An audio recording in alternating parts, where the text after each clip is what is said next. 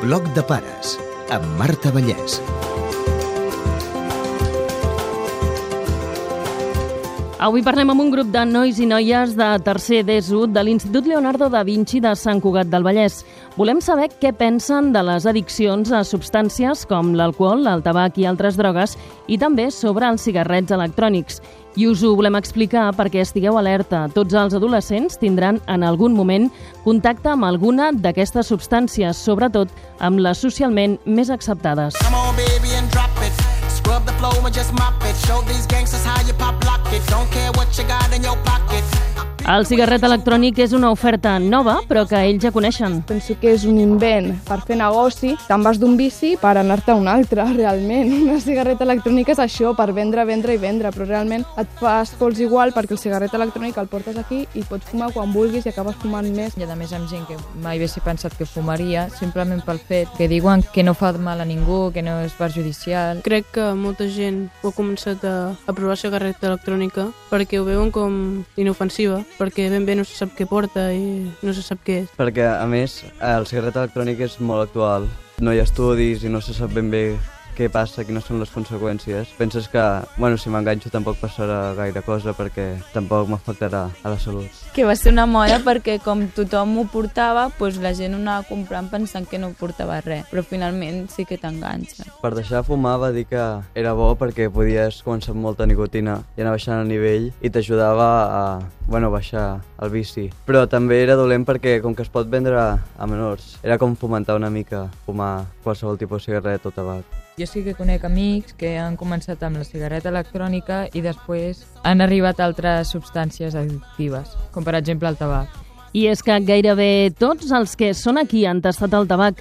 Alguns tenen clar que no els interessa, d'altres ho volen deixar, però com van començar a fumar? He tingut contacte amb el tabac i tal, però ara mateix he deixat de fumar perquè trobo que és una addicció que no et porta a ningun lloc, saps? Que quan vols deixar-ho no pots deixar-ho i que és dolent, saps? Vaig començar amb la meva millor amiga fent la conya de va, agafem un cigarro i el provem i després ens vam enganxar i ara mons pares m'han agafat i m'han dit que ho deixi, que el que fas és perdre diners, foten merda al cos i a més sent deportista m'han dit que els pulmons se m'aniran a la merda. L'any passat a la Fira d'Abril a Barcelona eh, estàvem els meus amics de tota la vida i van demanar com una catximba que tenia xixa i em van dir que no era res. Els vaig dir que no, van estar un bon rato ja i al final vaig acabar marxant. En cap moment vaig sentir com enveja de no fer-ho perquè ells es posaven a, a fer tonteries amb el fum i tal i jo estava ja tranquil i els hi vaig dir que no. I... A mi la meva mare sempre em diu que si alguna vegada fumo, que ho faci davant seu perquè vegi que és una, una tera merda aquesta cosa i que si alguna vegada ho faig doncs seré que sóc una tonta perquè fumar per mi és, és absurd. Gastes els diners i a sobre et perjudiques a tu mateix. Always said I would know where to find love. Always thought I'd be ready, strong enough. La comunicació entre pares i fills és fonamental. Facilitar un clima de confiança farà que us expliquin el que van descobrint i que pugueu també actuar si detecteu algun problema. Jo he provat el tabac, però em sento molt influenciada pels meus pares perquè si comencés a fumar i tingués una addicció, no sé com reaccionarien, saps? No sabria com estaria jo amb mi mateixa. Suposo que em sentiria com si els hagués fallat. La meva mare tracta sobre aquests càncers d'aquest de pulmó i que això provocat pel tabac i sempre m'ha tingut molt clar que és molt dolent i que, que mai. Però en canvi, per exemple, el meu pare sí que fuma. Jo, els meus pares mai m'han fet una xarra sobre el tabac, sí que m'han fet d'altres temes com el sexe. I bueno, jo suposo que confien en mi, ells no fumen i tampoc he tingut la necessitat d'haver de fumar perquè sí. No necessito cap tipus de substància per sentir-me bé. No es tracta de, de perdre la confiança amb els teus pares si s'entenen de què fumes o no, perquè també et poden entendre que estem en una edat difícil per dir-ho així.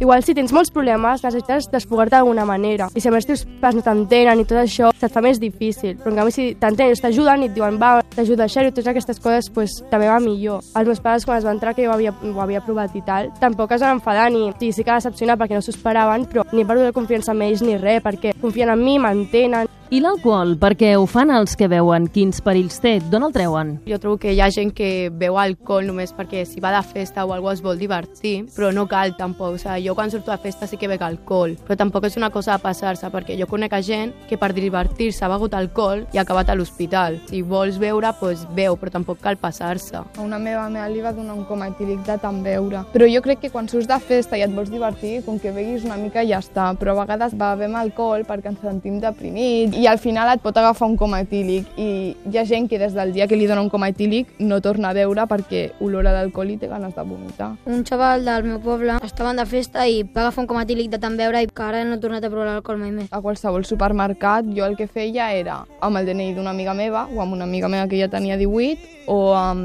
agafes l'alcohol i li dius a algú així que vegis que t'ho farà. Me lo puedes comprar, porfa? Jo tinc amics grans que tenim confiança i si tu li demanes que et comprin alguna cosa d'alcohol o tabac o alguna cosa d'aquestes, sí que te la compren. I a més no cal ni que siguis major d'edat. Hi ha gent que semblant-ho ja ni els hi demanen el carnet. I creuen que per tastar-ho no passa res. El perill arriba quan ja no pots controlar-ne el consum. Mentre no facis molt regularment i tal, mentre no t'hi provoqui una, una addicció molt forta, no és del tot dolent. Sí que afecta el cos, però no d'una forma com ho faria si ho fas cada dia o molt regularment. Això de que ara proves un porro, que ara proves un cubata, et vindrà la vida en algun lloc, et vindrà amb un o amb l'altre, ets tu qui decideixes. No sé, per provar-ho tampoc et passarà res, el problema és si agafes un problema amb l'addicció. Pots provar-ho, sí, però sense passar-se, perquè una cosa és passar-s'ho bé i l'altra no en recordar-te de res del que vas fer i no, no saber el que estàs fent.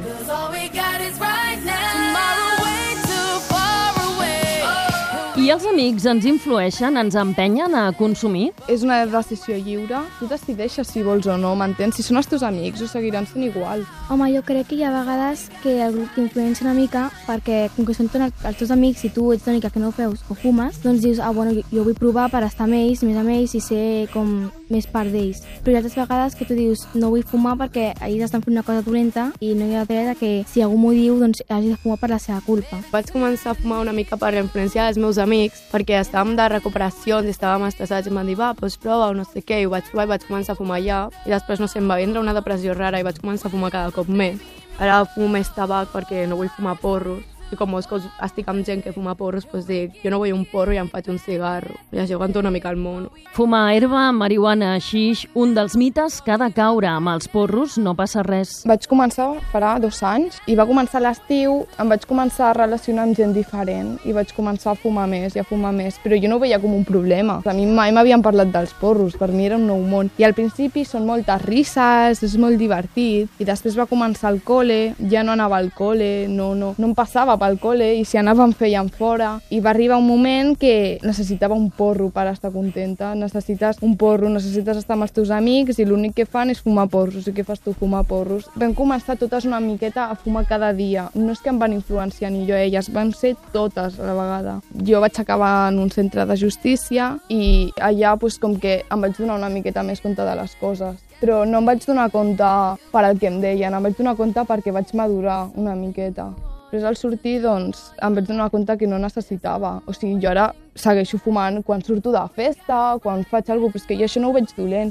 Admeten també que no costa trobar substàncies per consumir. És molt fàcil. Per mi és molt fàcil, vale? perquè jo estic en un àmbit que tothom fuma porros i també hi ha associacions on venen marihuana i és que és molt fàcil aconseguir cannabis, però és que perquè vivim en un món on hi ha drogues a tot arreu. Jo sempre he tingut diners per poder consumir, sempre. La meva mare sempre m'ha donat diners per sortir, per no sé què. Si no tenia, doncs alguna de les meves amigues tenia. Un cop superada l'addicció et veus i et sents diferent. La meva mare, problemes amb el col·le, problemes amb molta gent. Jo, quan fumava, era el triple d'agressiva que sóc ara, m'entens?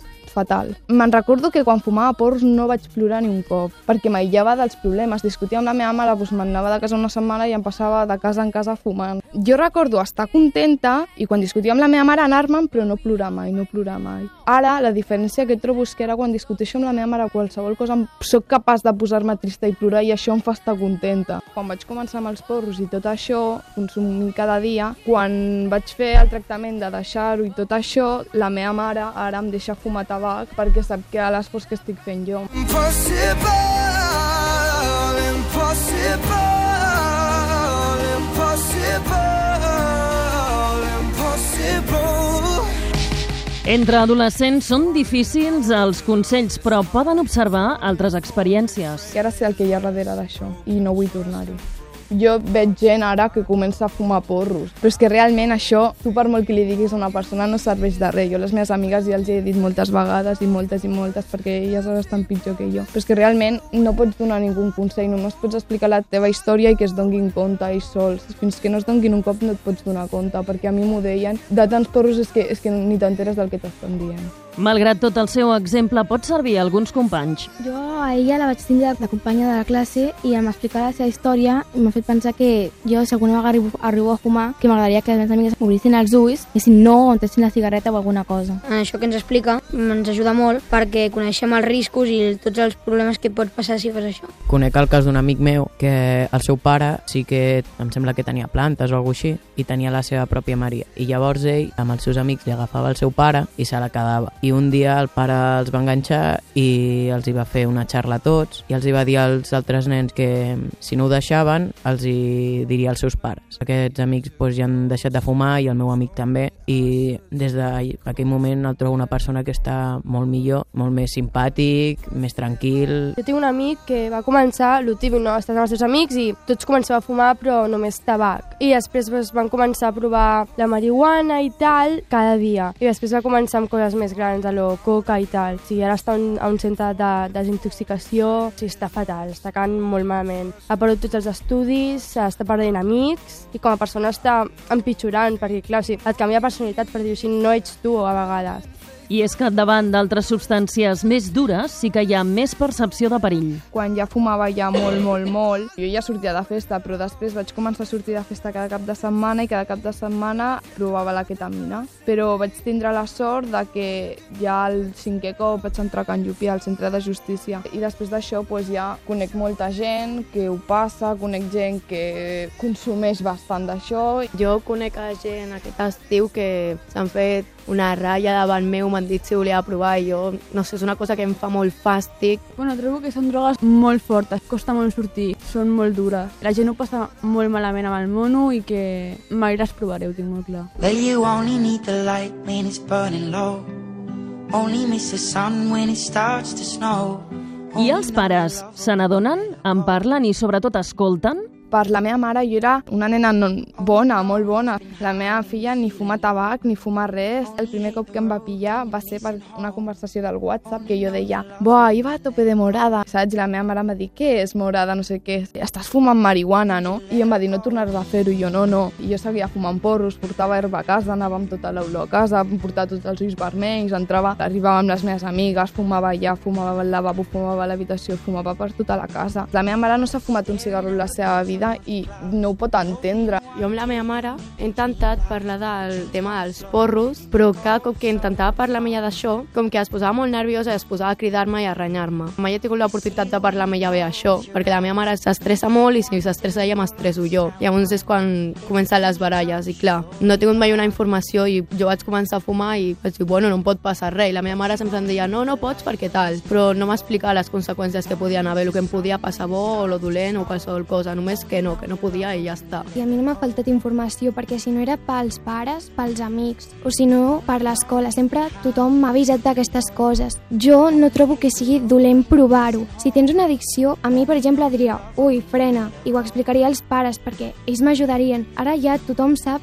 les coses dolentes que tenen aquestes drogues. Si tu fumes, ja saps les coses que et poden passar. A mi els meus pares tinc moltíssima confiança en ells i sempre no és allò típic que cada dos partes m'estan fotent xarles perquè tenen por. Confien en mi, jo confio en ells i si vull saber alguna del tema que sigui, jo els hi pregunto amb total llibertat i ells m'ho explicaran tranquil·lament i m'adverteixen del que hi ha i ja entenen això que tinc 14 anys, saps? No sé, els meus pares crec que confien molt en mi sobre aquests temes. El meu pare, més que un pare, a vegades el veig com una mica un amic i eh, sé que els hi puc explicar el que sí puc confiar en ells. I un dia estava a la platja amb la meva família i llavors la meva mare em va dir que si volíem fumar algun dia, doncs que si volia provar-ho i vaig dir que no, que no volia provar-ho perquè que això és, no serveix per res i per què provar-ho si ja sé el que passaria. A mi la meva mare sempre m'ha dit que no fumés i el meu cosí que té uns 18 anys, m'alerta d'aquestes coses també i ja veig que no serveix per res. Reclamen un equilibri difícil d'aconseguir, llibertat per descobrir dins un risc controlat. Jo penso vale, que sí, que és el teu fill, que no vols que fumi, però realment, i de veritat ho penso, que jo el dia que tingui un fill li deixaré una certa llibertat. Si vols fumar, fumaràs i et donaràs compte. Clar que no li deixaré que es passi, però la meva mare no